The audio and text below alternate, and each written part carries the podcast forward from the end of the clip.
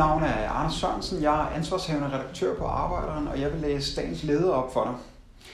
Det er den 4. marts 2020, og dagens leder hedder Det er den politiske vilje, der mangler.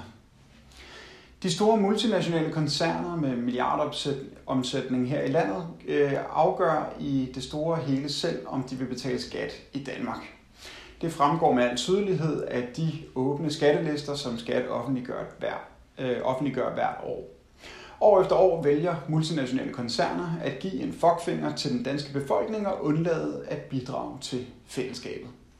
Det er giganter som Q8 og Fujitsu, der tjener masser af penge i Danmark, men vælger at overføre deres overskud til udlandet. For mangens vedkommende til lukrative skattely. Her taler vi ikke om milliarder, der hvert år undgår beskatning igennem en vifte af ulovlige metoder.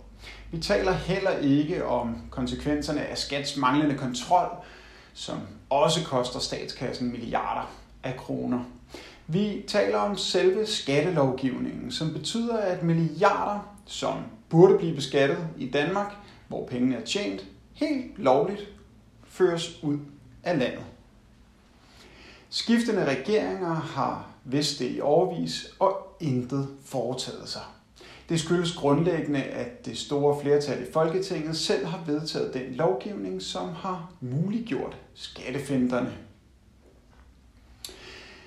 Man har fulgt anbefalinger fra EU, sænket topskatten, virksomhedsbeskatningen, og samtidig har man øh, beskåret den kollektive velfærd og fastholdt, at der ikke er råd til at lade dagpenge og folkepension øh, at lave dagpengenes og folkepensionens købekraft følge den almindelige lønudvikling i samfundet. Men pengene er der.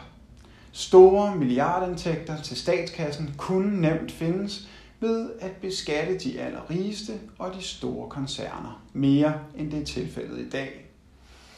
Mulighederne for lovlig skatteunddragelse er blot en af utallige konsekvenser af den deregulering, som har haft ufattelige konsekvenser for almindelige mennesker, fordi selskabs, selskabsbeskatning, løn og arbejdsforhold, klimabeskyttelse og meget, meget mere sætter retning imod den laveste fællesnævner.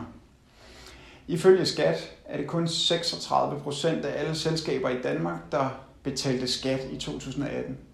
Det er et helt normalt tal, eller et helt normalt niveau i Danmark, på trods af, at vi i overvis har befundet os i et økonomisk opsving, og på trods af, at direktørlønninger og aktieudbytte slår alle rekorder. Samtidig med, at arbejdsgiverne har foden på bremsen, når det gælder arbejderklassens løn. Pengene til velfærden er der altså helt tydeligt ude i samfundet. Det er den politiske vilje til at opkræve dem, der mangler. Det er udtryk for rå klassepolitik, hvor de rigeste bliver rigere, og arbejderklassen og den bredeste befolkning i øvrigt betaler regningen. Du har lyttet til dagens leder fra Arbejderen. Abonner på vores podcast på iTunes eller hvor du ellers hører din podcast. Du kan også klikke ind på arbejderen.dk for meget mere journalistisk indhold. Du er også velkommen til at følge Arbejderen på Facebook, Instagram eller Twitter, samt tilmelde dig Arbejderens daglige opdatering på Messenger. Vil du i kontakt med Arbejderens redaktion, kan det ske ved at sende en mail til redaktion Tak fordi du lyttede med.